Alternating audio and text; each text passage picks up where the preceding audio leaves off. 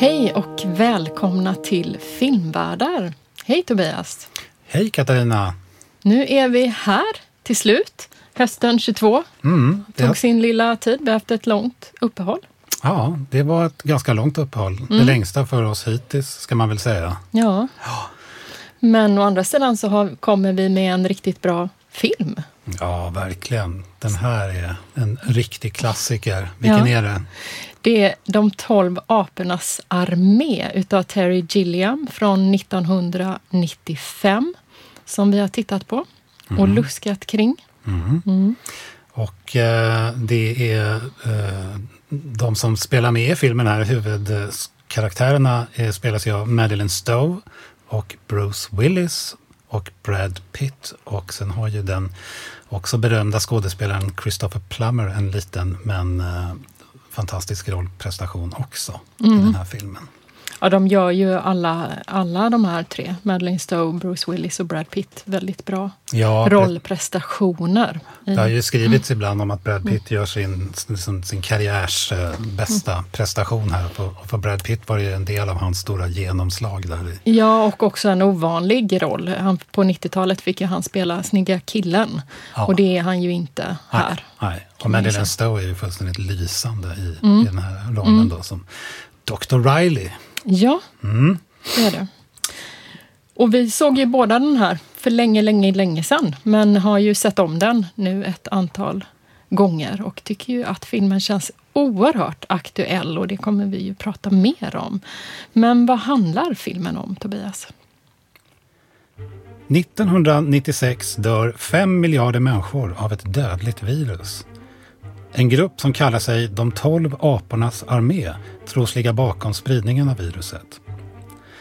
De människor som överlever tvingas leva under jorden i ett samhälle som styrs av vetenskapsmän.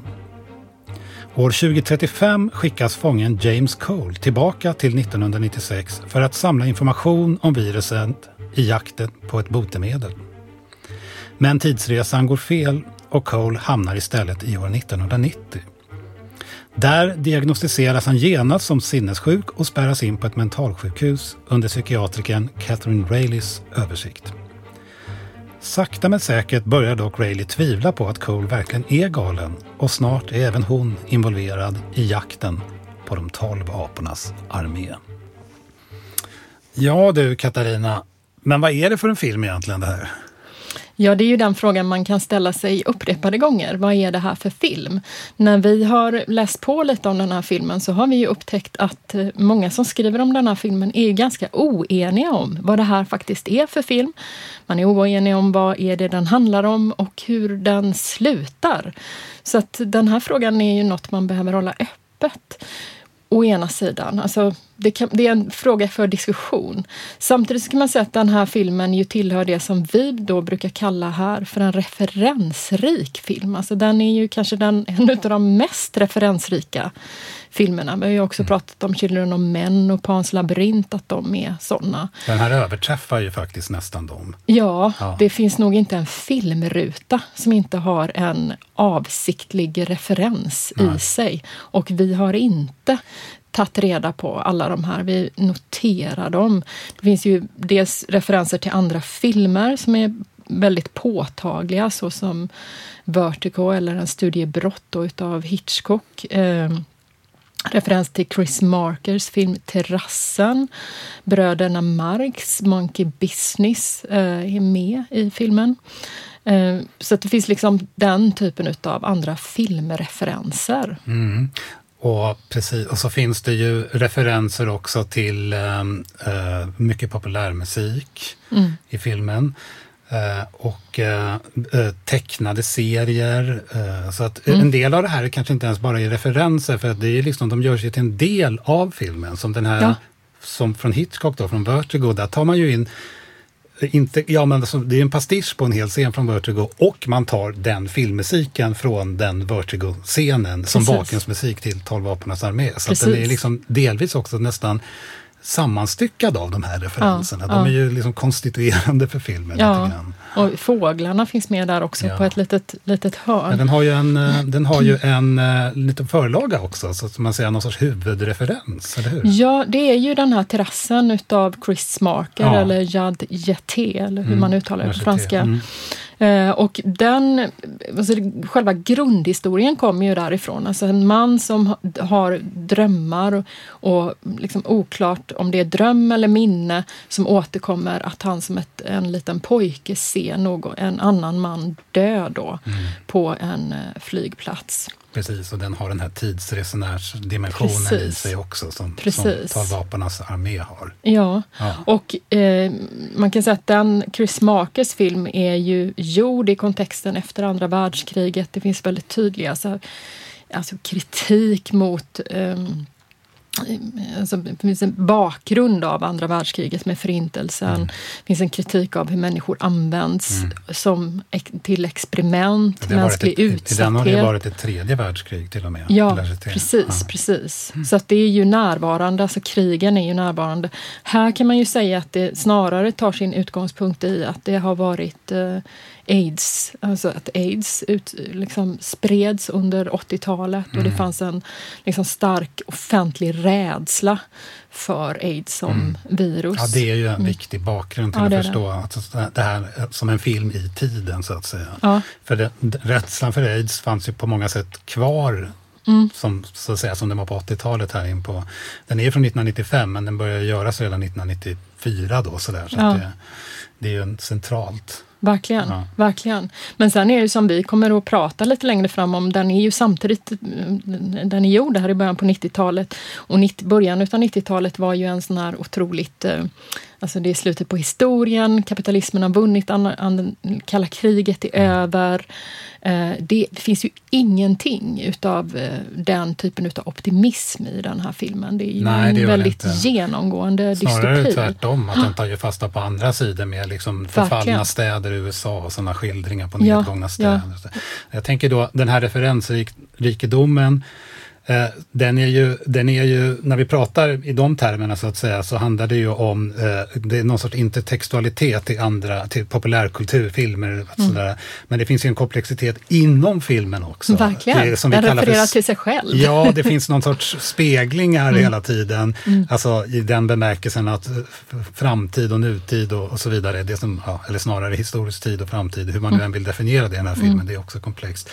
Eh, hel, där, där finns det hela tiden någon sorts, eh, om man tittar noga i filmen så kan man ju se att, att de speglar varandra, i, ibland Hela ner tiden. i detaljer så att säga. Hela tiden, ja. Ja. ja. det som är Coles verk, verklighet, så att säga, Det som är 2035. hans nutid. Ja. Precis, eh, det finns närvarande i det andra. Och Det, det, ofta är det ganska roligt, det är ganska genialt gjort.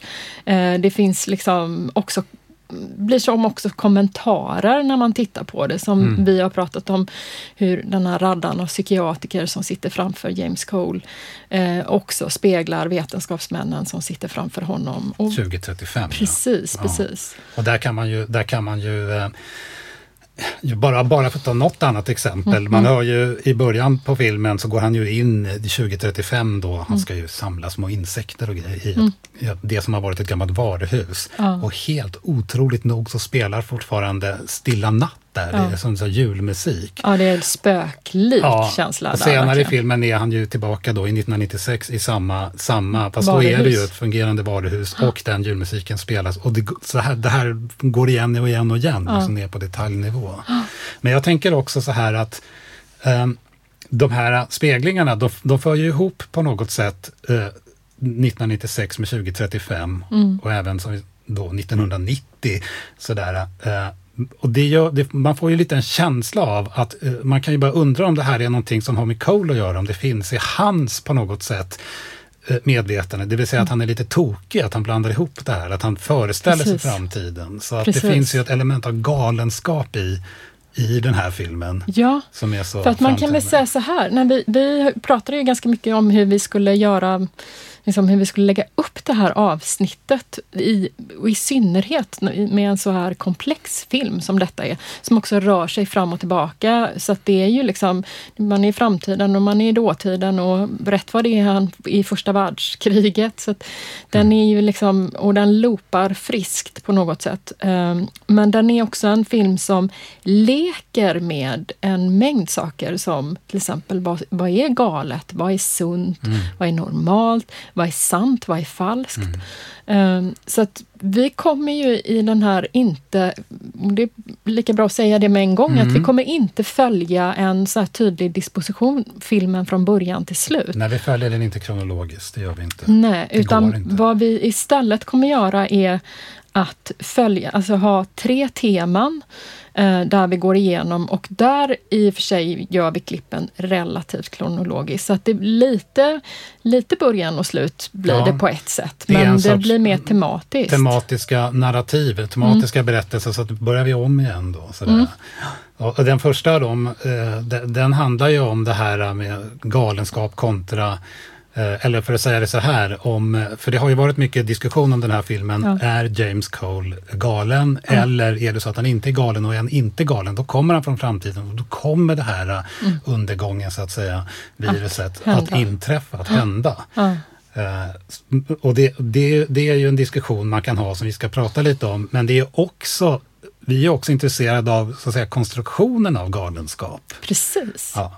För det är ju också någonting som även filmen är intresserad av att ställa ja. den frågan hela tiden. Men vad är egentligen galet? Vem är egentligen och galen? vem har makten att definiera galenskap? Precis, så i precis. början av filmen så har ju Cole kommit tillbaka till 1990. Han blir ju då, som vi läste i handlingsbeskrivningen, mm. skickad till fel tid. Och där hamnar han snart då på mentalsjukhus. Och, ja. och då finns det ju en scen där, äh, där han ska förklara sin, sin äh, uppgift då, han tillbaka skickar från framtiden och så vidare, för en nästan som en jury av ja. läkare, om de är fem, sex stycken, så han sitter framför dem så att säga. Mm. Och den ska ju vi höra nu. Ja. Five billion people died in 1996 and 1997. Almost the entire population of the world. Only about 1% of us survived. Are you going to save us, Mr. Cole? How can I save you? This already happened. I can't save you. Nobody can. I am simply trying to gather information to help the people in the present trace the path of the virus. We're not in the present now, Mr. Cole? No. 1990 is the past. This already happened. That's what I'm trying to... Mr. Cole? Mr. Cole, you believe 1996 is the present then? Is that it? No, 1996 is the past too. Listen to me. What I. What I. What I need to do is make a telephone call. I, I can straighten this all out if I make a telephone call. Who would you call? Who would straighten everything out? The scientists. Oh. They'll want to know that they sent me at the wrong time. I can leave a voicemail message that they monitor from the present. Can I just make one telephone call please? Ja, Tobias, det här är en väldigt visuell film, så kan du bara säga kort vad det är vi faktiskt ser här och de här minerna som ja, exakt, de gör? Exakt. Alltså, det är, som jag sa, fem eller sex läkare, psykiatriker mm. som sitter då på rad och framför dem sitter Cole på en liten stol och bakom honom står två vakter. Mm. Eh, och när han då eh, har sin förklaring här, säger som, från hans perspektiv då, mm. som, som det är, så får man ju se de här äh, läkarna sitta och titta menande på varandra. Så att ja. det blir ju omedelbart tydligt att mm.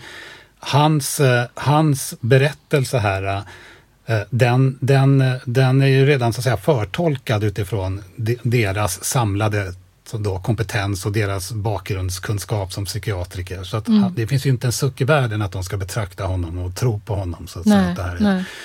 Och man ser ju också det på honom, därför att han, han börjar ju med att säga att ja, det här kommer vara svårt för er att förstå, men sen försöker han ändå förklara situationen. Men där i det här ögonblicket när han får den här frågan, jaha, så du menar att 1996 är nutid? Och han bara, nej, det, är- alltså det är också dåtid. Och den blicken som de här psykiatrikerna ger varandra, efter det så tappar ju Cole lite Mm. tempot, att han blir osäker och det är ju där han övergår till, men jag behöver få ringa det här Precis. telefonsamtalet. Och man kan, ju, man kan ju försöka sätta sig i två olika perspektiv här. Du och jag har ju ännu inte tagit ställning till här i avsnittet om vi tycker att Cole är galen eller inte, men vi ska göra det. Men om man tar eh, läkarnas perspektiv här, eh, så eh, verkligen försöker så att säga leva sig in i det med hela deras liksom, psykiatriska vetenskap och så vidare. Eh, då, då framstår ju den här berättelsen som fullständigt absurd. Ja. Alltså de har hört liknande saker förut. Men om man vänder på det och försöker ta Coles perspektiv, inte bara så att säga perspektiv, utan försöker tänka sig in i att han inte är galen, då ger ju det här eh, mening. Eh, men det kan det. på något sätt, i den här situationen, så är det, liksom säga, det är bestämt från början att han kommer att klassificeras som, som sinnessjuk eller galen. Ja, och han får ju lov att ringa det här telefonsamtalet. Mm. Eh, För att visa att de här forskarna då ska, ha, ska förstå att de har skickat honom till fel tid. Men det går ju inte så bra, Nej, eller hur? det- nej det, då kommer han ju till en, till, hem till en familj där och det är massa barn som eh, rusar runt i köket och det Ja, skapa kaos och ljud och Ja, mamman bara ”Hallå, ropa. vad menar du?” Hon förstår ingenting. Nej, verkligen inte. Så att det misslyckas ju och då försöker ju han, han förstår ju då att det är klart att det blir fel för att det är ju Fel år. 1990, inte 96. De har Nej. ännu inte satt upp den här Nej. devicen eller vad, vad man nu ska kalla det Ja. som, som kan leda till att han kan prata med framtiden. Men, men från deras perspektiv blir det ju ett tecken på Alltså det blir Ja, ja, det ytterligare, blir ett, ytterligare bevis ett bevis för hur att- stollig han, Ja, han är. Ja, det, det kan ju vara nästan lite ursäktande tycker man. Alltså det, Men det, det, det, det, det, liksom, det sätter ju lite fingret på det här med, med, med alltså normalisering också. Och I det här fallet liksom någon form av vetenskapskritik kanske, men samtidigt hur svårt det är att att är nästan omöjligt så att säga för dem att tro på honom. Ja, det är ju, ja. det är, som jag sa, det är dödförklarat från början. Men han har ju en, på det här mentalsjukhuset så träffar han ju en, ja, en medintagen, eller vad man ska säga. Jo, det gör han ju, precis. Men jag tänker också, ska vi inte prata lite om, är han galen eller inte? Jaha, du tänker att vi tar det? Ja, visst, det kan vi göra. Jag tänkte att det kunde vara lite intressant, för, för vi, alltså, där finns det ju en sån oenighet. Det är en av de saker som det skrivs mest om i olika trådar och bloggar eller vad det nu heter nu för tiden. Och du och jag har ju diskuterat det ganska mycket. Ja, för det vi. finns ju helt klart liksom, aspekter av filmen där man, alltså han framstår ju som ganska så nedbruten, to say the Verkligen. least, liksom, på många Verkligen. sätt. Men är, är James Cole galen? Alltså det vi har, varit ganska eniga om är ju att han är inte galen. Han må vara traumatiserad ehm, och påverkad av både de här drogerna han ges och även utav t- liksom, att skifta tid på det sättet. Men galen är han ju inte. Nej, precis. Och det handlar, för mig handlar det liksom om, om rimliga tolkningar på något sätt Mm. av själva den, den faktiska berättelsen. Att filmen ger oss så pass många nycklar så att, så att den, här, den här tolkningen att han faktiskt bara skulle inbilla sig allt inte håller. Och då vill jag bara vill lämna några väldigt Mm. snabbt här, för det, det kommer ju liksom lite senare. Men, men redan i den här scenen så börjar ju Catherine Rayleigh då säga, jag, jag tycker jag känner igen det, har vi mötts förut? Eller Mm. Ja. till och med innan hon möter honom första gången, Ja. då är han i fängelset innan Ja. han flyttas till mentalsjukhuset och sen kommer det här mer och mer. Så hon har ett igenkännande av honom och det kommer ju att växa så att säga genom filmen. Eh, Men sen finns det ju väldigt konkreta saker som att, eh, att man kommer att få se att han har en kula i benet som han har fått från första världskriget, för han skickas nämligen tillbaka en gång till fel och hamnar i första världskriget och då kommer de fram till det. Och det här får eh, eh, Catherine då, Ray reda på. Det, I samband med det finns ett fotografi på honom från första världskriget. Eh, det finns ett ett, det som vi ska prata om senare här, ett telefonmeddelande eh, som lämnas och som, och som Cole om, omöjligt kan veta om. Han har hört det i framtiden. Eh, och det finns alltså så många flera saker än det här i den här filmen som, som gör eh, som, som jag och jag tror du också ser det som att när det gäller själva berättelsen så blir det på något sätt inte, inte en rimlig tolkning att Nej. hävda att han skulle vara galen. Nej. Även om jag läste någonstans att Terry Gilliam själv ville att det skulle vara så att säga, en ambivalens här, så tycker jag som att Va- alla de nycklarna Ja, talar emot det. Precis, precis. Men ambivalensen tänker jag snarare har att göra med att upprätthålla att han, att han genom filmen, Terry Gilliam, ändå leker med frågan men vad är galenskap egentligen? Vad menar vi med galenskap? Att upprätthålla den, snarare än att ställa frågan, även om vi använder oss av Cole här då som mm. är osäker, så är det ju ett, en ett liksom metod för att återkomma till den frågan om vem är den, den som egentligen är galen? Absolut. Men, men det, då, då kan det bli någon sorts nästan kategorimisstag, att man, man blandar ihop då den här tematiska frågan som han behandlar i filmen med, med den som har att göra med det faktiska narrativet. Det är det som är Precis. lite... Sen finns det ju många ställen i, i den här berättelsen, genom filmen, där, där Cole verkligen framstår som galen. Men som du faktiskt också nämnde ny, nyss här, så Eh, vem skulle, inte, vem skulle inte bli lite tokig om man skickades fram och tillbaka genom tiden och Precis. dessutom hade, vet, vem vet hur länge, suttit fängslat då i framtiden i en liten, liten bur ner under marken. Så ett element av galenskap finns i Cole, men det betyder inte att han inbillar sig alltihopa, så att säga. Nej, precis. Och det är snarare ett element av psykiskt trauma och påfrestning som, Ja som man kan säga.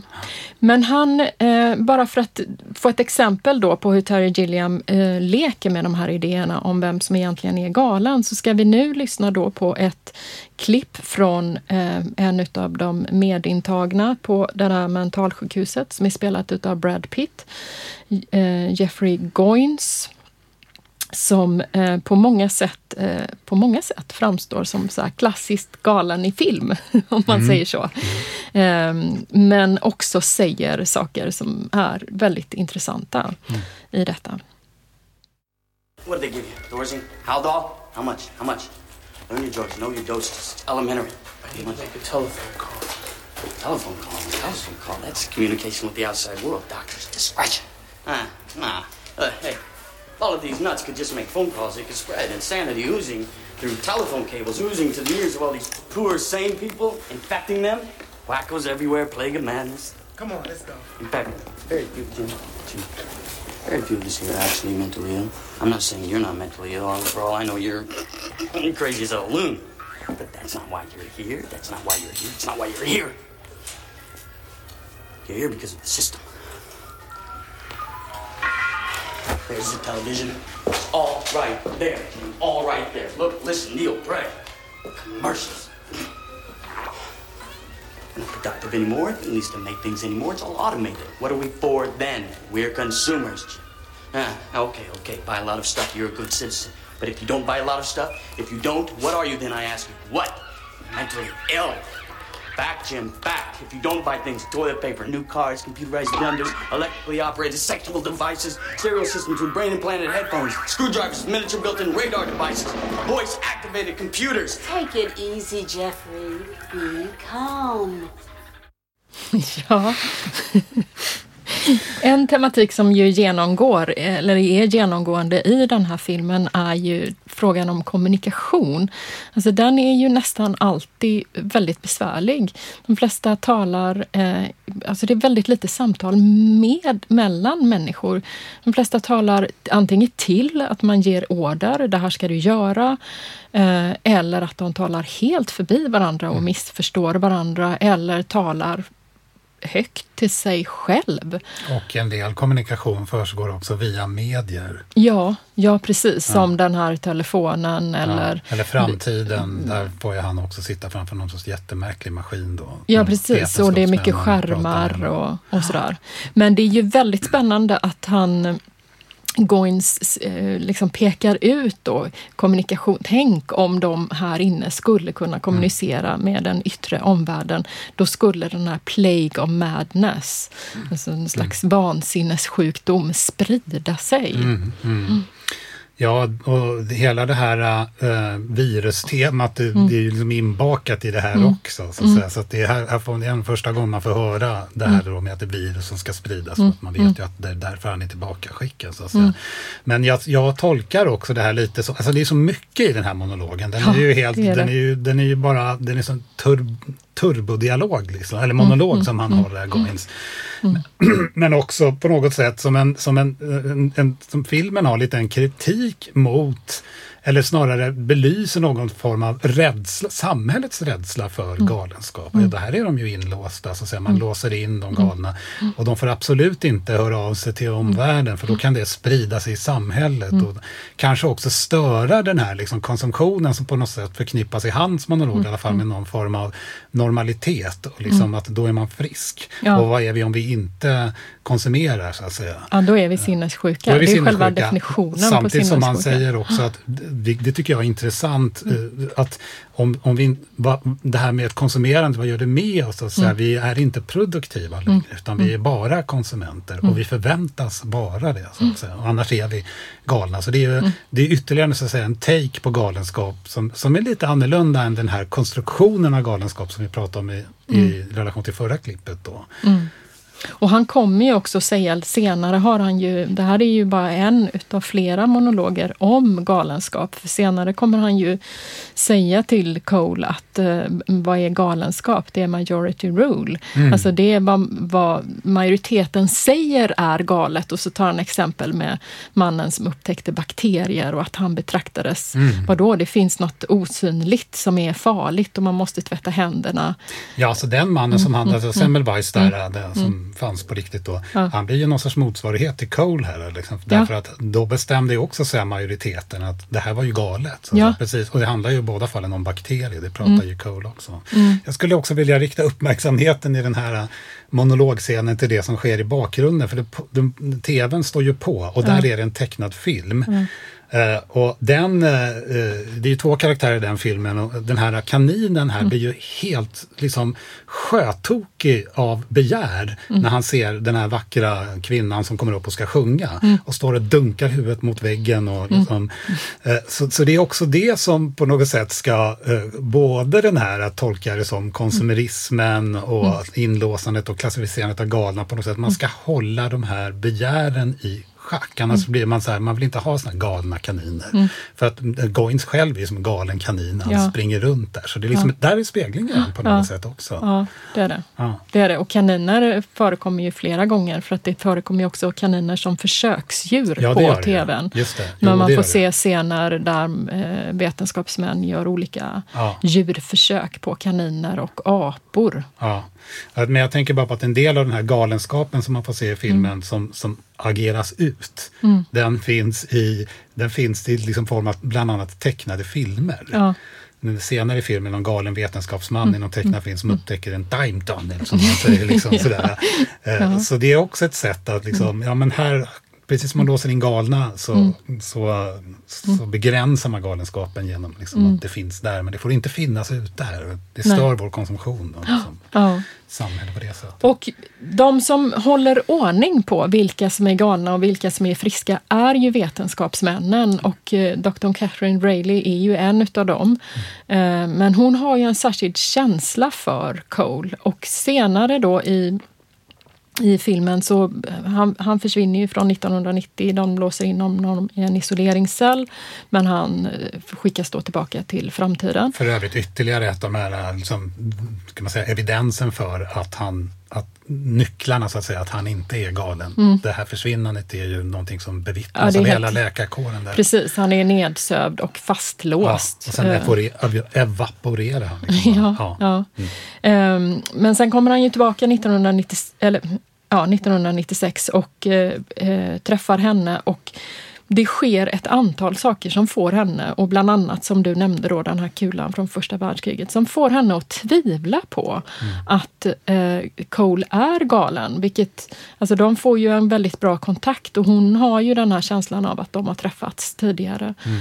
Men saker händer och hon börjar tvivla och hon blir allt mer övertygad om att Cole har rätt. Mm. Alltså att han kommer, att han de facto kommer från framtiden och att det han säger, nämligen att mänskligheten snart kommer att utrotas, är riktigt. Och i mm. sådana fall är det ju bråttom om man... Men han har ju inga ambitioner för att rädda mänskligheten men, men hon inser ju att mm. här måste vi agera på något sätt. Men hon har ju, när hon liksom när detta har sjunkit in i henne så har hon ju ett samtal med en kollega som också är hennes handledare och mentor. Eh, där hon pratar om detta. Så vi tänkte lyssna lite på det. He knew about the boy in Fresno, and he says five billion people are going to die. No way he could possibly know that. Fred, you're a rational person. You're a trained psychiatrist. You know the difference between what's real and what's not. And what we say is the truth is what everybody accepts, right, Owen? I mean, psychiatry, it's the latest religion. We decide what's right and wrong. We decide who's crazy or not. I'm in trouble here. I'm losing my faith. Mm. Hon tappar, börjar tappa sin tro. Mm. Hon kallar psykiatrin för den senaste religionen mm. som då sätter upp eh, vad som blir moraliska måttstockar egentligen om vad som är rätt och fel och, och gott och ont och galet och friskt. Och här eh, har hon helt enkelt bit för bit blivit allt mer då övertygad om att mm. Cole har rätt. Och här, det här är ju återigen den här, tänker jag, att Alltså spelet, för att när man ser filmen första gången så kan man ju känna Alltså man kan ju eh, liksom få känslan av att eh, Cole är galen eh, och att hon dras in i hans galenskap. Alltså hon, och det är ju så hennes kollega ser det som. Mm. att Han säger, men du är ju en rationell varelse. Liksom. Du är ju utbildad psykiatriker. Eh, och den känslan kan man ju få, att nu börjar hon också... Och det är ju inte så att hon det här är någonting enkelt för henne, att det bara går upp ett ljus går upp för henne. Utan det är en smärtsam process av att försöka förstå, men vänta, vad är det som pågår här? Alltså, ja, hon hon äh, presenteras ju i princip mm. för bevis. Mm. För att han, innan han kom till 1996, som vi mm. kort nämnde tidigare, så har han ju skickats fel då till första världskriget och där blev han mm. skjuten. Och sen så, kom, så kommer det här fram mm. Så får ju hon reda på då att den här kulan som han har i mm. benet som hon har hjälpt honom med, den, mm. den är från före 1920 och så fotografiet och andra saker som han mm. vet och mm. rimligtvis inte kan veta. Så det, hon presenteras ju för en serie evidens så att säga. Mm. Och jag tycker den här scenen också är så intressant för att den är lite paradoxalt när, med hänsyn till Eh, den här, eh, kan man säga, vetenskapskritiken som mm. finns i filmen. För här är det ju igen, kan man säga, ytterligare ett perspektiv på någon sorts vetenskapskritik och det, liksom, det här handlar om psykiatrin. Liksom, mm. Den, den liksom, kunskapen som den står för och som hon har börjat tvivla på. Så det är mm. liksom en sorts väldigt stor kris måste det vara för henne. Mm. Eh, samtidigt så beter hon sig som en väldigt, ska man säga, eh, en väldigt eh, noggrann vetenskapsman. Det vill säga att de här, det här evidensen som hon har fått, då, mm. de är någon sorts anomalier i förhållande till hela den här psykiatriska vetenskapen. Mm. Så hon är alltså beredd att ompröva det. Det vill säga mm. det som man kanske som vetenskapsman verkligen måste till slut vara beredd att göra. Det finns ju ja. sådana här teorier om paradigm inom mm, mm. vetenskapen och de mm. pågår så länge men till slut är anomalierna så många så att man måste på något sätt bygga Ompröva om hela grunden. grunden ja, precis. Mm. Eh, sådär, gå in i ett nytt paradigm. Så det gör hon ju på något sätt här. Mm. Eh, det tycker jag är jätteintressant för det, det, blir, det blir inte bara en vetenskapskritik utan man kan också se det som på något sätt att hon har ju en sån, hon har en sån integritet ja, också. Ja. Så att hon vågar. Det finns ett mod också att hon mm. kan ändra. Det, det är ju han oförmögen till, den här mentorn. Han är ju på något sätt, allting han all information han får här är liksom filtrerad genom hans liksom inlärda världsbild och, och ja, psykiatriska precis. teorier och vetenskap. Ja, ja.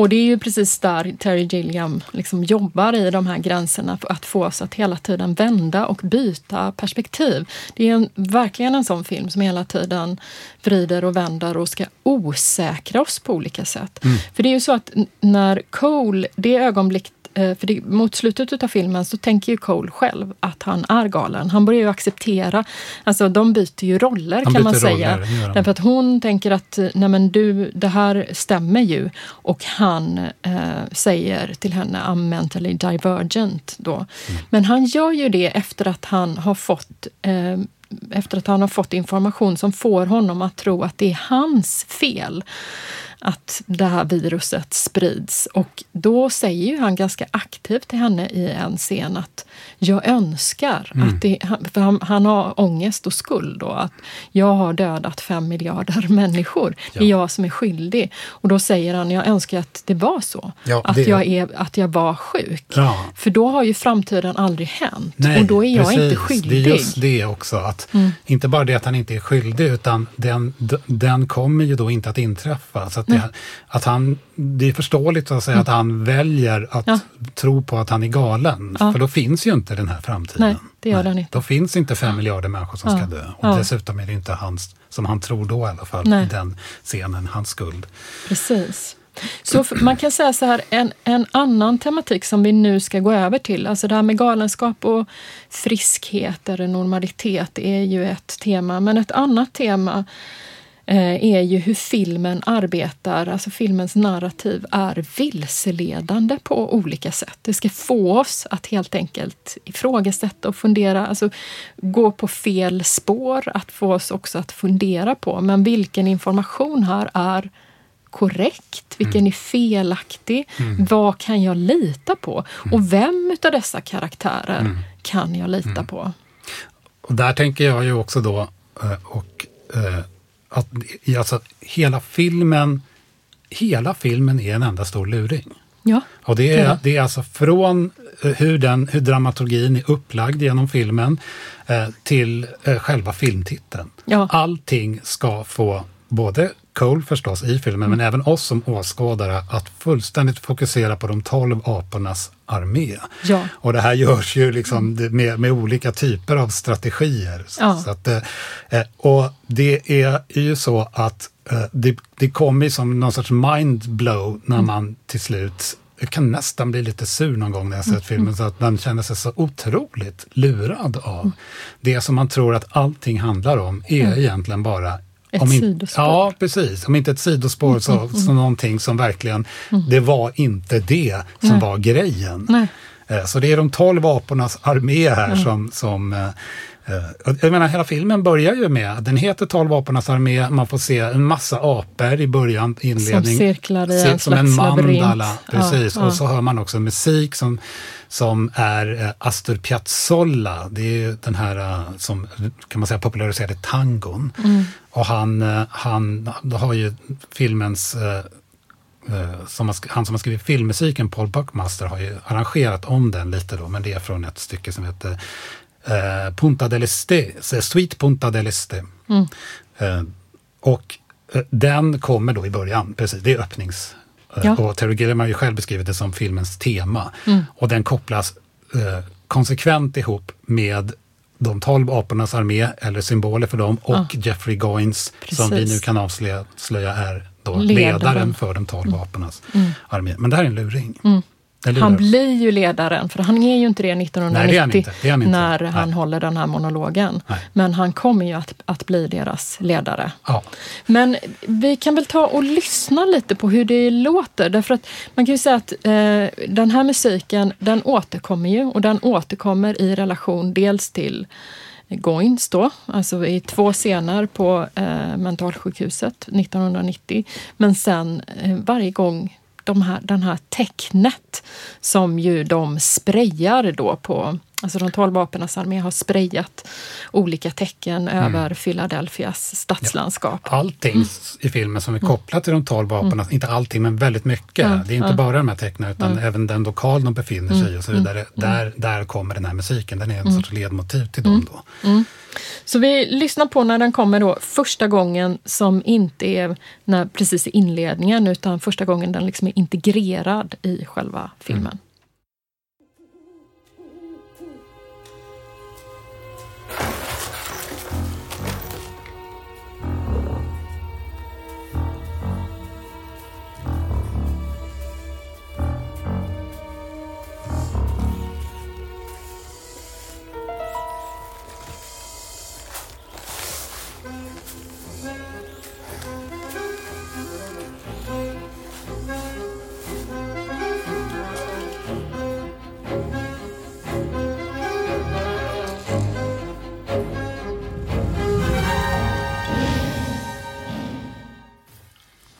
Ja, lyssnarna, ni ser ju inte vad som pågår här, men det är så att Cole har fått i uppdrag, innan han skickas iväg på den här tidsresan, så har han fått i uppdrag att klädd verkligen i en sån här skyddsdräkt gå upp ovan jord och samla in eh, olika insekter för att man gör ju tester för att se om det är möjligt att gå upp, alltså om viruset är borta från jordens yta.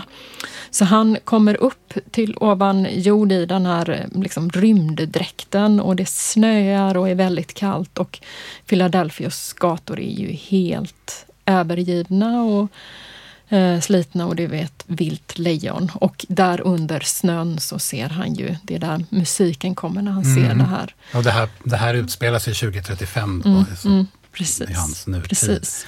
Men det är ju lite spännande med musiken. Det händer ju lite musikaliska saker innan vi hör. Är det musikstund? Ja, ja, nu blir det, nu musikstund. musikstund. Ja, det gör det ju. Det, det, gör, det kan man väl kanske nämna kort. Det skulle man kunna prata väldigt mycket mer om. För det finns, det finns olika typer av musik i filmen. Det finns ju det här temat då som Gilliam kallar med filmens tema som är Piazzolas musik som vi har pratat om. Det finns en hel del populärmusiklåtar som spelar i radioapparater och så vidare. Eh, det finns en, en, en, en, en musik som kommer tillbaka i samband med drömmar som vi ska prata om senare. Um, och sen finns den här lite mer specialkomponerade filmen då, äh, musiken av äh, Paul Buckmaster som, som kommer, ja men har lite olika utformning emellanåt men ganska mycket så spänningsmusik då. Och det, här hör vi några liksom små korta fragment av den innan den här Piazzolas musik mm. äh, kommer här. Och då, det är bara, det, bara de här som man hör här, små fragmenten, pekar på något sätt, det är ett äldre filmmusikspråk. Mm. Alltså det, det, först kommer det någonting som skulle kunna vara en synt eller det skulle kunna vara väldigt långt ner i registret på ett piano. Sen dum, dum, dum, dum, dum, dum. Och då kommer man tänka på en sån här film, det finns flera från 70-talet bland annat, som Chinatown, där man hör ett liknande som går igenom hela filmen. Så att den mm. pekar liksom lite bakåt. Mm. Uh, och det finns även en annan figur här som är som är typ så här lite kliché. På, nu är inte jag någon, jag har inte total koll på det här liksom. Mm. Den typ av filmmusikhistoriker är jag inte. Men, mm. men det, är, det är en vanlig typ av kliché, åtminstone under 80 och 90-talet liksom, och kanske tidigare. Uh, och, och, och, så är den här filmmusiken, den specialkomponerade genom filmen. Så för oss kan den som ser den filmen idag kan låta lite, lite, lite föråldrad på något mm. sätt. Ja. Men, men sen så är det ju så då att han eh, kommer fram till ett ställe där han tar bort snö och då ser han, det här kallar jag för en av de om inte den första, så en av de första vilseledande nycklarna i filmen. Mm. Där är den här symbolen med de tolv vapnen mm. och så står det under We did it och då kommer Piazzolas musik som eh, som jag tycker eh, Terry Gilliam själv har beskrivit ganska bra, väldigt kortfattat men ganska bra. Eh, som han skriver att den är galen, passionerad och farlig. Mm. Så uppfattar han uttrycket i den här musiken. Och det mm. tycker jag, det är en bra beskrivning av mycket av Piazzolas musik, men framförallt musiken här i filmen då. Så att mm. det finns, det är naturligtvis många andra så att säga, strategier som används i filmen för att sätta oss på fel spår med de tolv vapenas armé. Mm. Men musiken bidrar ju till det här Precis. genom sin, sitt uttryck så att mm. säga. Mm. Och det är uppenbarligen avsett också. Precis, och man kan ju säga så här att i och med att den också följer, den är kopplad till tolvaporna, men den, den följer ju också Jeffrey Goins och Jeffrey Goins är ju, det är ju så vi introduceras till honom som galen och definitivt passionerad. Ja. Men han är ju inte farlig. Nej. Det är ju ett, eh, verkligen ett villospår här. Det är ett villospår. Ja. Men det, blir, det finns ju också ett villospår i, alltså om musiken så att säga förstärker de här villospåren så är det ju så att eh, det finns ett villospår för Cole och för de här vetenskapsmännen i framtiden. Och för oss. Ja, och för oss som ställer till det. Och det är ju det här röstmeddelandet då och det är ju så här att Eh, när eh, Dr. Riley börjar bli allt mer övertygad om Coles berättelse. Så till slut så, och de börjar följa de här spåren efter de tolv vapenas armé. Eh, och till slut så ringer hon då för att göra det här telefonsamtalet. För det blir ytterligare ett test och se, finns den här? Liksom, kommer hon i kontakt med vetenskapsmännen? Så hon spelar in ett telefonsamtal för hon kommer ju fram till en telefonsvarare för en mattbutik. Mm. Och det gör ju henne he- otroligt lättad. För hon tänker så här, det här var ju bara en mattbutik. Eh, det var inte några forskare. Så hon lämnar det här meddelandet och springer till Cole. Och då ska sägas då att Cole har ju fått lyssna på det här telefonmeddelandet Tidigare i filmen. tidigare i filmen när han hade varit tillbaka 1990. Så att liksom enligt filmens narrativ så har ju detta den här saken egentligen ännu inte hänt. Men han har fått höra då det här Men han hör ju det här telefonmeddelandet. Telefonmeddelandet 2035. Han har det 2035, men, men han har ju bara träff, han har ju ännu inte träffat Dr. Riley 1996. Nej, så är det. Precis. Eh, Så, så när han hör det här 2035 och vetenskapsmännen hör det och vi hör det Ja. så framstår det ju som ytterligare liksom ett tecken på att de tolv apornas armé eh, är de som kommer att sprida viruset, de som är farliga. Precis, för att Dr. Riley i sin lättnad över att det är en mattbutik lämnar ju ett skämtmeddelande. Ja, precis. och det här är ju någonting som de liksom, eh, får restaurera så att det låter ju väldigt förvrängt helt enkelt Mm. Och det är också ett exempel på rörighet i den här filmen för att, för att eh, hon lämnar det här meddelandet eh, och det gör hon mot slutet av filmen. Men när vi får höra meddelandet första gången och, och Cole 2035, då är, det är ju långt innan så att säga, man har kommit så långt i filmen. Så Ja. det är också sånt där pussel på det sättet. filmen. ja, verkligen. Vi hör det. The Freedom for Animals Association on Second Avenue is the secret headquarters of the Army of the Twelve They're the ones who are going to do it. I can't do anymore. I have to go now.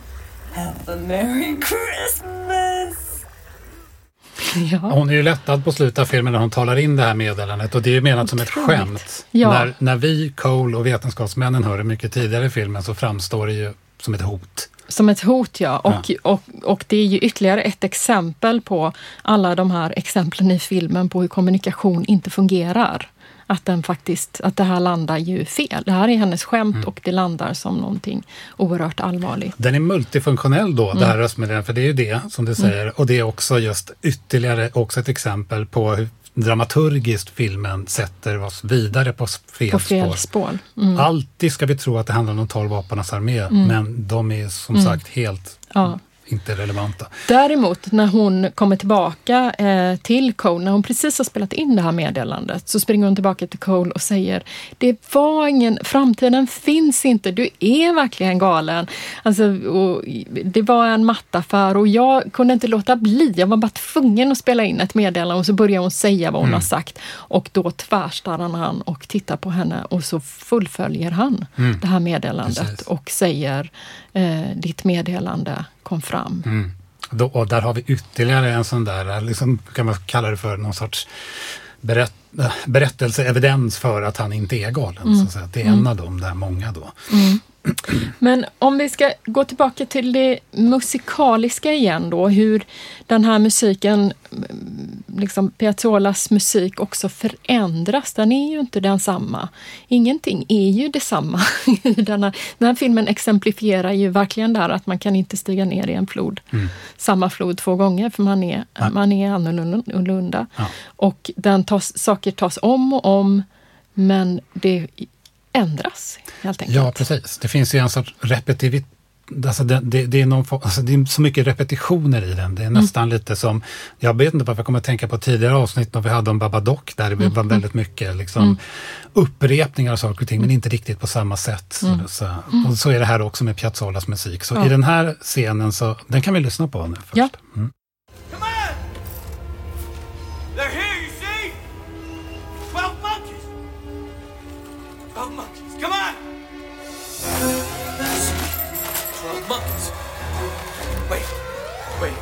Here. Here, you see? You see? I see some red paint. Some mark. Mark, Mark, you think that... Oh, this is Hey! Hey! Don't, don't you do anything crazy. Här är vi ju tillbaka, här är vi 1996 och de har kommit till Philadelphia. Eh, och eh, eh, Cole ropar ju att hon ska, eh, Catherine ska stanna bilen. Han springer ut och börjar riva av massa planscher. Och där, precis som när han tog bort snön där eh, vid 2035 då, så bakom de här planscherna så finns symbolen då för de tolv apornas armé. Precis, och hon tror ju fortfarande att han är galen Mm. här. Precis. Eh, Samtidigt som hon har möjlighet faktiskt att fly här, men väljer Ja. att inte göra det. Hon Ja. sitter ju själv i bilen. Och, och här kommer ju då, det, jag vet inte vilken gång i ordningen det är, för den kommer så pass många gånger, men här kommer den igen då Mm. i en lite ny variant, den här Piazzolla-musiken, som är upprörd. Här är, här är rytmen faktiskt upphackad på ett sätt. Den är liksom som, som att den har hakat upp sig. Mm. Eh, och, och, och så är den samtidigt inbäddad i, i någon sorts, som jag skulle säga, någon form av lite elektronisk syntljudbild liksom, som Mm. låter lite spejsad nästan med att tonerna går så här, bara som man kallar för glissando. Liksom. Så det är någonting här som förstärker känslan av dramatik med de tolv Mm. aporna ytterligare då. Mm. Eh, Så det byggs på, ska man säga, genom bland annat, då återigen understryka, inte bara förstås, men bland annat genom hur musiken används, Piazzollas musik, och förändras och vad den paras ihop med för annan typ av Precis, musik genom precis. berättelsen. Jag tycker att det finns en ton av anarkism här, alltså att det är någonting som hotar ordningen. Ja. Eh, och, och som kommer underifrån och bara liksom Ja. destabiliserar saker och ting. Och det är ju också, jag tänker i den här scenen när han säger till henne, gör nu inget galet. Nej, det är konstigt. nästan, Ja. Han är ju den som är helt tokig här. Ja, precis. Men det, men det är ändå, och det är precis så, den, den, eh, just när man tror att man har mark under fötterna så är det någonting som destabiliserar och där man inte riktigt vet, Mm. är det här rätt spår? Är det fel spår? Är det hon som är galen? Är det han som är galen? Eh, vad kommer hända Och sen? det är bra uttryck för att i, även musiken här, är, Piazzollas musik är på ett, den är, den är faktiskt kan man säga destabiliserad Ja. också. För den här rytmiska framdriften som den har haft i början av filmen, den, är, den, är, den är som säga dekonstruerad Borta, här ja. på något sätt. Mm. Ja, den är borta. Mm. Så är det. Eh, sen tänker jag på just det här med de tolv apornas armé då, som vi så länge ska tro Mm. eh, är de som släpper lös viruset, men där det då visar sig till slut att de är helt ofarliga. Det enda de vill göra är att släppa djur från zoo. Ja. Eh, Så att eh, hela alltet, liksom, inklusive som jag sagt filmens filmtitel, som bara lurar oss. Mm. Men, men det är också lite det här med, som är kanske väldigt vanligt i våran tid, att man tror och vill tro en del i alla fall på sådana här hemliga sällskap som styr världen. Det Mm. finns en konspirationsteoretisk aspekt här i den här Mm. filmen som jag känner, om vi pratar om filmens aktualitet, blir Ja. och, och ännu mer aktuell på något sätt. Därför att, eh, åtminstone från mitt perspektiv, så är många av de här konspirationsteorierna som fra, framförallt handlar om att det finns en, en hemlig orden som på ett eller annat sätt, vilken det nu är, det Mm. varierar ju lite, som styr världen, eh, är ju eh, eh, ungefär som att tro på tolv apornas armé, men också samma typ av vilseledande tro. Mm. Fast här handlar det ju om, vi tror att vår verklighet, eller en del av oss tror att den är sammanskruvad och så vidare. Så här finns det ju liksom också en sorts motsvarighet till, till en väldigt, ska man säga, aktuellt fenomen i våran tid. Ja, det gör det. Mm. det, gör det. Och den, det har ju också en motsvarighet i det här, vad är, vad är tecken? Alltså vad är evidens eller vad är bevis Ja, för någonting? ja. Och hur samlar vi ihop det och hur förstår vi? Och hur gör vi de här bedömningarna? För filmen leker ju också med att man ska tro då att det är Jeffrey Goin som leder de här apornas armé och att de är farliga. Och de är ju inte som du sa hotet, utan det reella hotet är ju den här, en vetenskapsman då, Mm. som arbetar i Goins pappas laboratorier där man experimenterar med virus. Och det är ju han då som i all sin legitimitet överhuvudtaget inte ses som farlig, men är den som är reellt farlig Mm. Ja. och tar med sig och sprider det här viruset. Ja, så han går ju under radarn då i, i, i kraft av sin legitimitet som, Ja, men som precis, precis. Och samtidigt så finns det ju en scen där han söker upp Catherine Riley och eh, har en liten monolog till henne där han ställer henne den här frågan som jag också tycker är intressant med, men är det eh, Chicken Little som har rätt? Alltså den här lilla kycklingen som enligt sagan då fick någonting i huvudet och efter det gick och varnade alla att himlen håller på att trilla ner, Mm. för jag fick ju något i huvudet. Är det den som har rätt eller är det vad han kallar då för Homo sapiens credo eller motto att let's go shopping? Och han menar ju att det här kredot att konsumera håller på att förstöra världen och Ja. enda sättet att rädda världen och enda sättet att rädda djuren och naturen är ju att utrota mänskligheten som är det största hotet. Ja, och här finns ju för övrigt också en spegling. Han är ju en, en lite mera, just den farliga varianten av Jeffrey Goins. Ja. Alltså de har ju Mm. liknande syn på saker och ting. Mm. För Jeffrey Goins är också väldigt, som vi hörde i monologen, väldigt Mm. samhällskritisk på det sättet och han vill också frigöra djuren och så vidare. Precis, precis. Så att, eh, men, men det finns ju någonting annat intressant med den här scenen som du nämnde nu. När, vad heter han då? Jag kommer faktiskt inte på det just nu. Dr. Peters. Dr. Peters, Mm. ja, den dåren där som, Mm. ska, som är den riktiga skurken. Han kom ju fram då för att eh, Catherine har ju haft det föredraget hon har skrivit en bok. Mm. Och så ska han få den signerad av henne, eller Mm. åtminstone kommer han fram till där hon sitter och signerar. Och här är ju filmens liksom komplexitet på topp på något sätt, för det är Mm. liksom en kausalitet i filmen som är väldigt svårgripbar, därför att hon har ju, har ju eh, i sin presentation pekat på eh, fenomen då som har att göra med de här tidsresorna Ja. som har påverkat hur hon skriver sin bok. Det, till exempel att det finns en kompanjon då, eller man ska säga en kompis till Cole från, från 2035 som hamnar i första världskriget också. Mm. Och han finns med i hennes presentation, antagligen också i boken. Och det är, inte helt, det är inte helt solklart om det är så, men, man, men, men det, man skulle kunna tänka sig att det faktiskt också, det verkar ju finnas vissa liksom indikationer på att Dr. Peters blir ju också påverkad av hennes bok i, sitt, eh, i, sitt, liksom, i sina planer på att eh, sprida det här viruset. Utrota mänskligheten, ja. Ja, så Mm. det finns liksom en, en, någonstans så, så kan man tänka sig att filmen pekar på att de här tidsresorna eh, har en, en Har inverkan på Mm. ja, hela den här eh, orsakskedjan som leder Mm. fram till att han sprider viruset. Ja, Alltså, där ja. blir det ju väldigt liksom, både komplext och snurrigt och väldigt spännande i filmen på det, Det sättet. Och det för oss ju över till en annan tematik som vi har här. Precis, att, nämligen att tiden, och det här är vår sista tematik då, nämligen att tiden, alltså sättet den här berättelsen är berättad tidsligt och det perspektiv den har på tiden också bidrar till att göra oss vilseledda. vilseledda. Ja, det är ju en, en central eh, sak i den här filmen är ju att den är, filmen är en tidsloop. Ja. Ja. Så eh, det man kan säga egentligen är att lite mystiskt då innan man har förklarat det, är ju att filmens slut är också filmens början. Ja, och vice versa. Och vice versa, precis. Det är ju loopen så att Mm. säga. Eh, för det finns ju ett, en, en återkommande dröm i filmen eh, Mm. som hela filmen i princip börjar med. Där Cole drömmer och ser en, en man blir, i drömmen blir skjuten på en flygplats. Ja. Ja.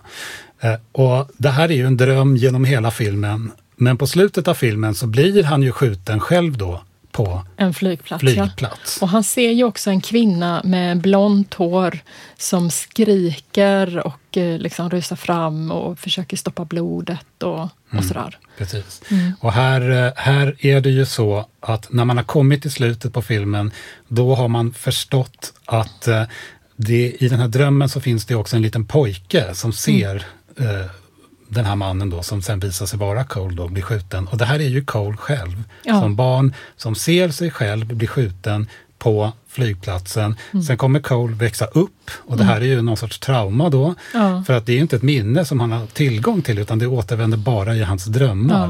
Ja, tills det. han slutligen är tillbaka där som vuxen man eh, och blir Ja, men det är som, om man tolkar det som en loop då, blir skjuten igen och sen så liksom börjar det om. Det går liksom runt hela tiden. Ja, det gör det.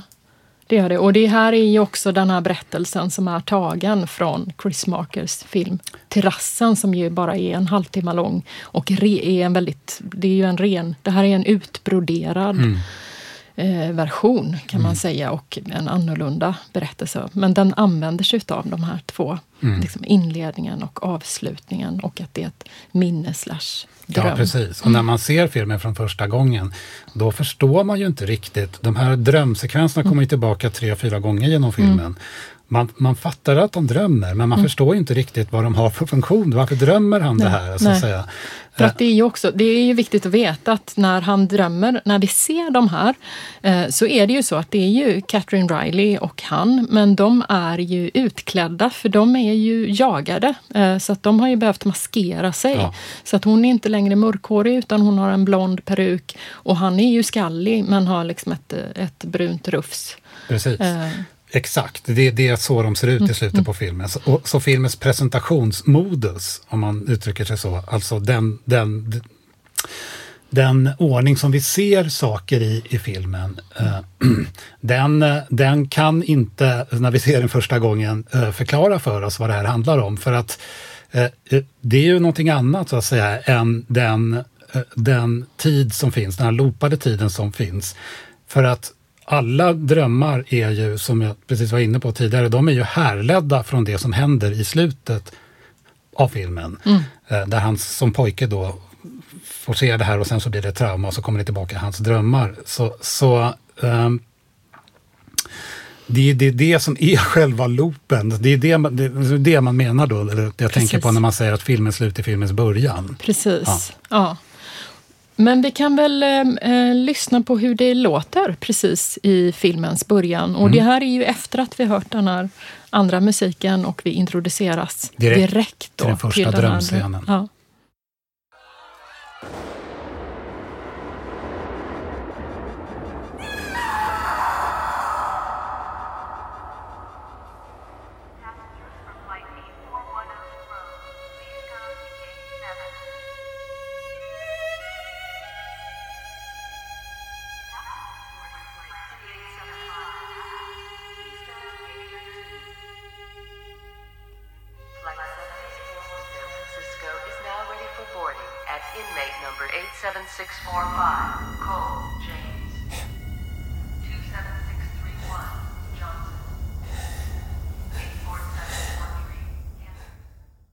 Det är väldigt Mm. bra gjort här, för här glider drömmen över i verkligheten. Precis. Han vaknar ju upp i 2035 och Ja. de här utropen från flygplatsen är plötsligt utropen där de ropar på honom. Han ska Precis, där han ska där. i, i, bli, blir inkallad. Och den är ju, den är också, för att man får ju se honom ligga och sova, man förstår att det är en dröm, men man ser ljuset falla på honom, man tänker att han vaknar nu för att det är morgon.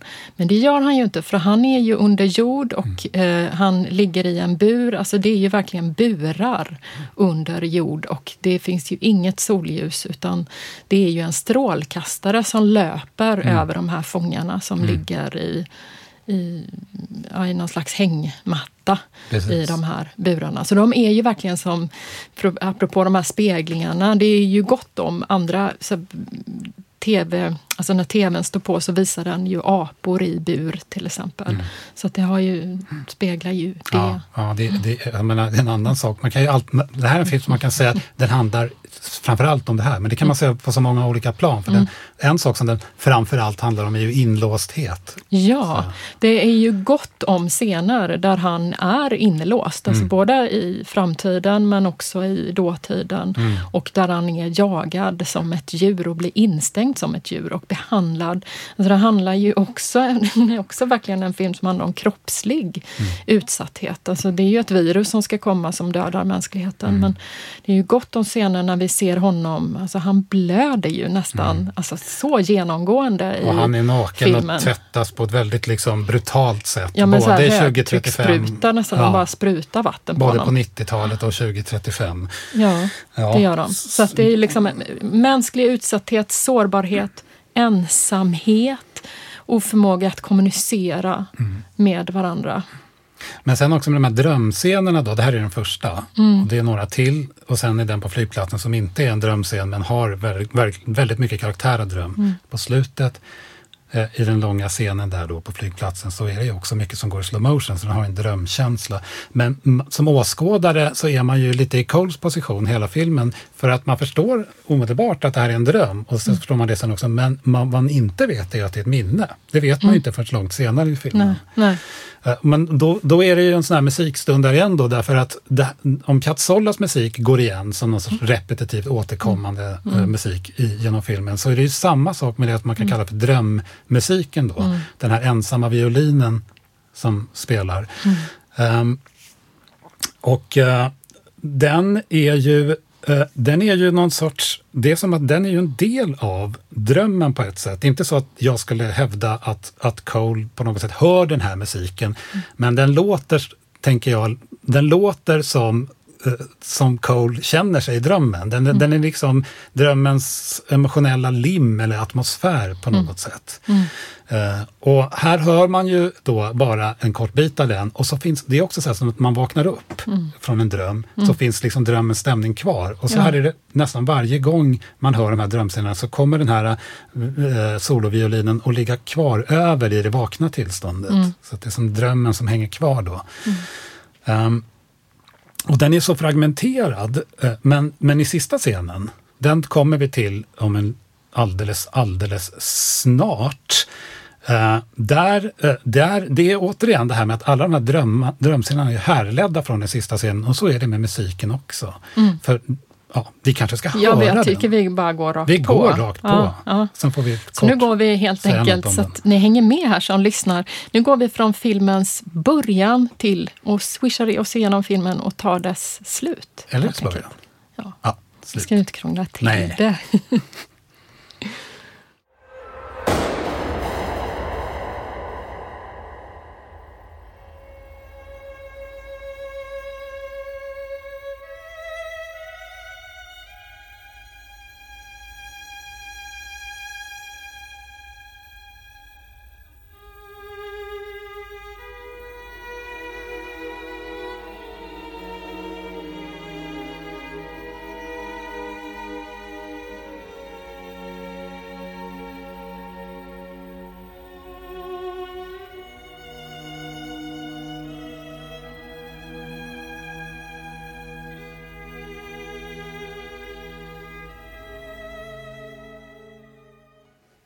Sitter Tobias som en dirigent här och ska signalera när jag får stoppa. Där är det slut. Ja. Ehm, ja, det, det är ju, hela den här scenen är ju allting i sin helhet. Och Mm. Det är ju hans opolitliga drömminnen, de är ju så Mm. att säga då fragment av det här. Eh, och på tal om speglingar då så kan man ju säga att musiken i den här scenen den speglar också den här helheten. För här är det inte bara att vi får höra resten av melodin, hur den fortsätter, utan här Mm. kommer hela så att säga, harmoniken in, hela sammanhanget, den här stråkorkestern som Mm. kommer in. Eh, och, eh, och det får vi höra här alltihopa. Så här är på något sätt helheten. Då blir det så intressant med de här drömscenerna som är genom filmen för att de, de är ju det är som att han får inte tillgång till det här. Och det Mm. finns en, ett element av bortträngdhet också i och med att han då inte kan komma ihåg dem i vaket tillstånd och verkar själv tro att det är en dröm. Mm. Men det är också den här känslomässiga aspekten som musiken står för. Den, den är inte heller, den är också bara fragmenterad i drömmarna. Mm. Så, så, det, blir så det är så spännande även rent berättartekniskt så att, säga, att det här får vi liksom förklaringen på Ja. slutet. Inte bara till hela tidsloopen utan till allt det som har skett som vi inte liksom har kunnat förstå. Ja. Det har undanhållits information kan man Ja, säga genom ja, filmen. Ja. Men jag tänker att återigen det här med vad, vad handlar den här filmen egentligen om? Alltså här finns det ju också en mer filosofisk fråga som har att göra med alltså, hur vi människor upplever tid. Och vi upplever ju bara den tid som, alltså från och med ja, vi är en viss ålder. Alltså vi, vi vet ju inte tid innan. Man kan återberättas tid och tiden tar ju slut när vi dör. Så tid är ju också väldigt sammankopplat med traumat att vi alla är dödliga.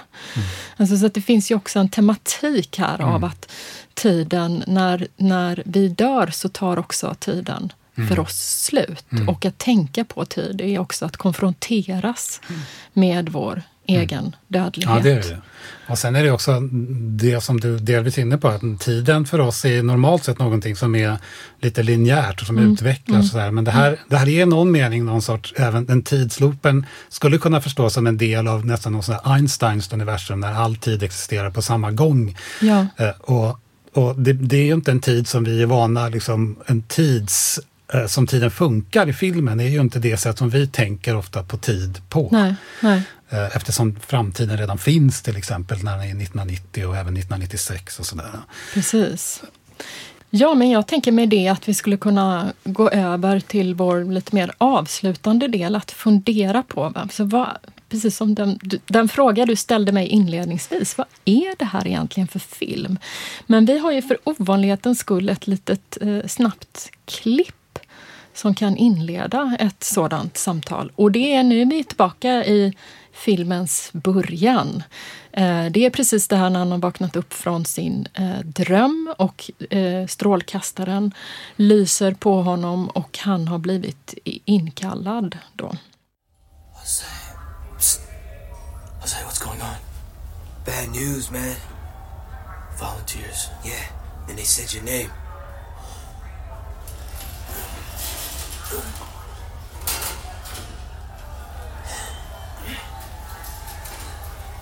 Hey, maybe they'll give you a pardon, man. Yeah, that's why none of the volunteers come back. They all get a pardon. Hey, some come back, I heard. Yeah.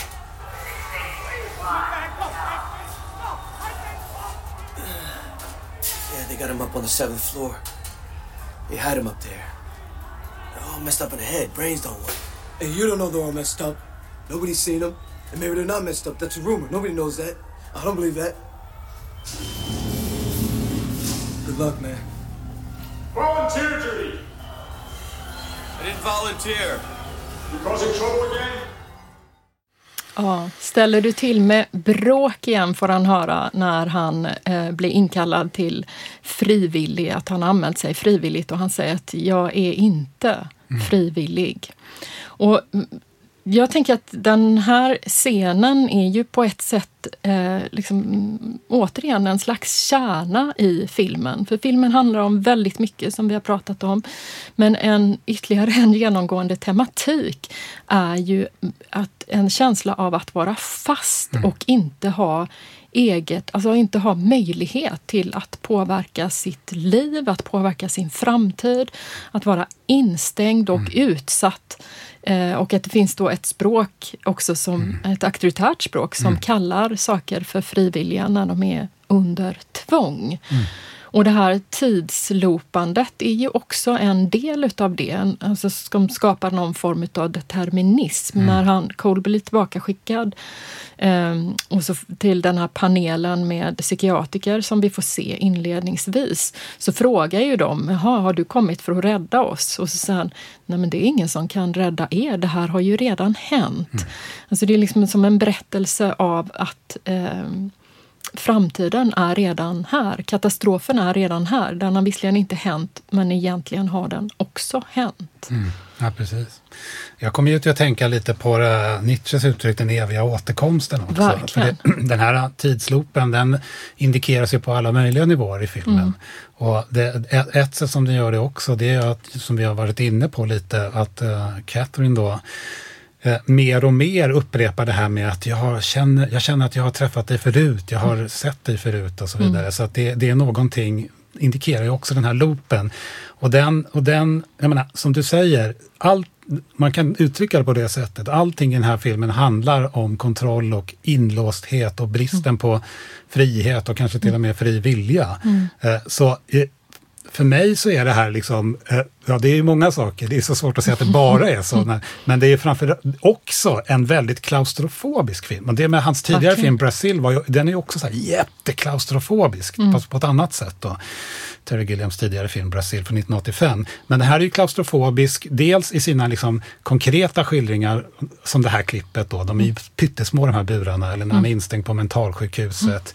Eh, Men sen är det den här makroklaustrofobin, att man är inlåst i den här loopen. Mm. Och vi impliceras ju i det som åskådare också. Så för oss så blir det också en känsla av klaustrofobi. Den är ju Mm. skrämmande på det sättet att det går inte att komma ut. Så att det, det, det här, här har man ytterligare en typ av spegling om man så vill i så fall, Mm. mellan, mellan de konkreta scenerna och skildringarna och den övergripande konstruktionen i filmen av det här deterministiska universumet då, som du Mm. beskrev här.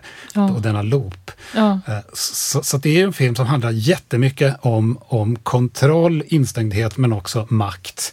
Eh, Och just det här eh, att, att benämna om saker också som blir en del av allt det här. Liksom, Ja, att kalla någonting för frivillighet när det är, är allt annat än frivillighet.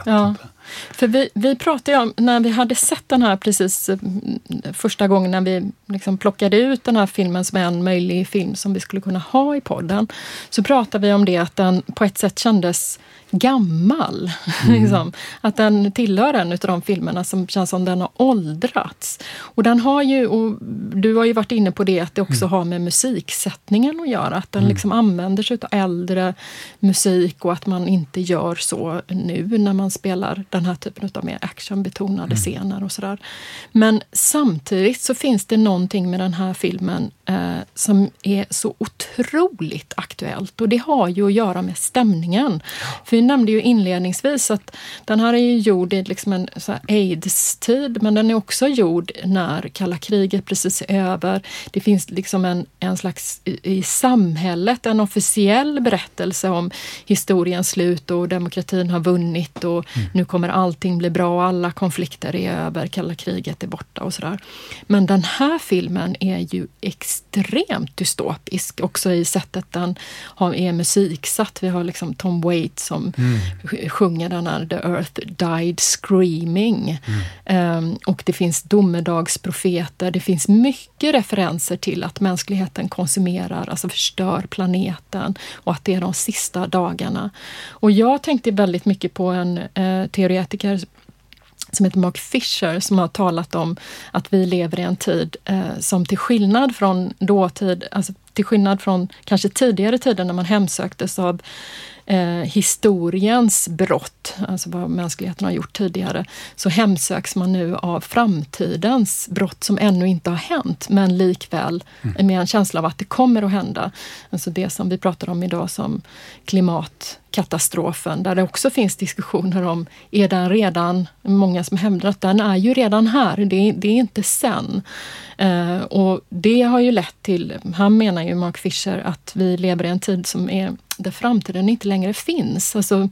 modernitetens löfte om att allting bara blir bättre, det finns inte längre. Mm. Utan istället är vi fångade i den här känslan av mm. att tiden är slut. Mm. Och det tycker jag att den här filmen skildrar så mm. oerhört väl, fast den är då gjord på ja, 90-talet. Ja, ja, det gör den ju. Den, den klingar ju in i någon sorts apokalyptiskt medvetande som mer eller mindre medvetande eller snarare apokalyptisk eh, känsla som finns i kulturen som vi är mer eller mindre benägna mm. att kunna ta till oss idag med, med jag menar, högerextremism och populism mm. som är på frammarsch i Europa, eh, mm. corona mm. som mm. har dragit igenom världen mm. och fortfarande finns kvar.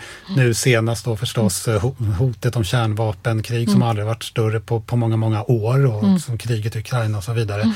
Eh, så, så hela den här undergångstematiken i den här filmen, den, den, känd, den blir ju på, på det sättet väldigt aktuell. Precis, och, och den har ju också de här spåren som vi har pratat om med osäkerheten om men vad ja. är sant och vad är falskt ja. och vad är galet och vad är normalt ja. och vem är galen och hela, i dessa hela tider? det här att, att media tar så stor plats med skärmar i den här filmen är också någonting som talar till våran tid.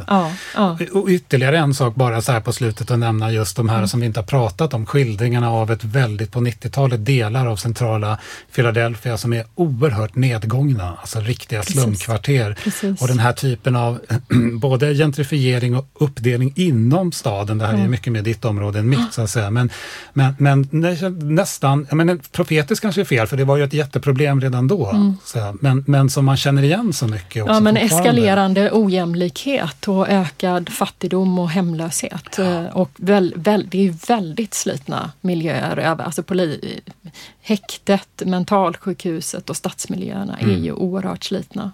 Det finns en sorts eh, lik, lik alltså någon jämförelse man kan göra återigen med både eh, filmen Babadook som är en skräckfilm mm. och Children of Men och den här. Och det är att de fungerar så, det, det är en, en sån styrka i de här filmerna, mm. att de fungerar som oerhört bra som rena spänningsfilmer. Mm. Som, och samtidigt som de kan alltså vara en form liksom av uh, som samhällskritik som är, ska jag säga, på många sätt väldigt skarp och djup. Otroligt. Och att filmer ja. kan liksom lyckas med båda ja. det här, det, är ändå, det, det, det tycker jag det, det är imponerande. Mm. Så den här filmen, har man inte sett den så, så, så är vi vill ju rekommendera den så otroligt varmt verkligen. Verkligen, och, och inte minst, eh, nu, vi har ju bara berört några teman. Det Ja. finns ju mer Ja. att, att gräva. Den är ju inte uttömd, även om vi har suttit och pratat ett ovanligt långt avsnitt. Ovanligt långt, det längsta hittills. Ja. eh, Och det var den värd. Ja, det var den. Ska vi sluta? Ja, det är dags att göra det. Ja. Men eh, tack så hemskt mycket för att ni lyssnat och tack du Tobias. Och tack du Katarina. Mm. Hej då! Hej då!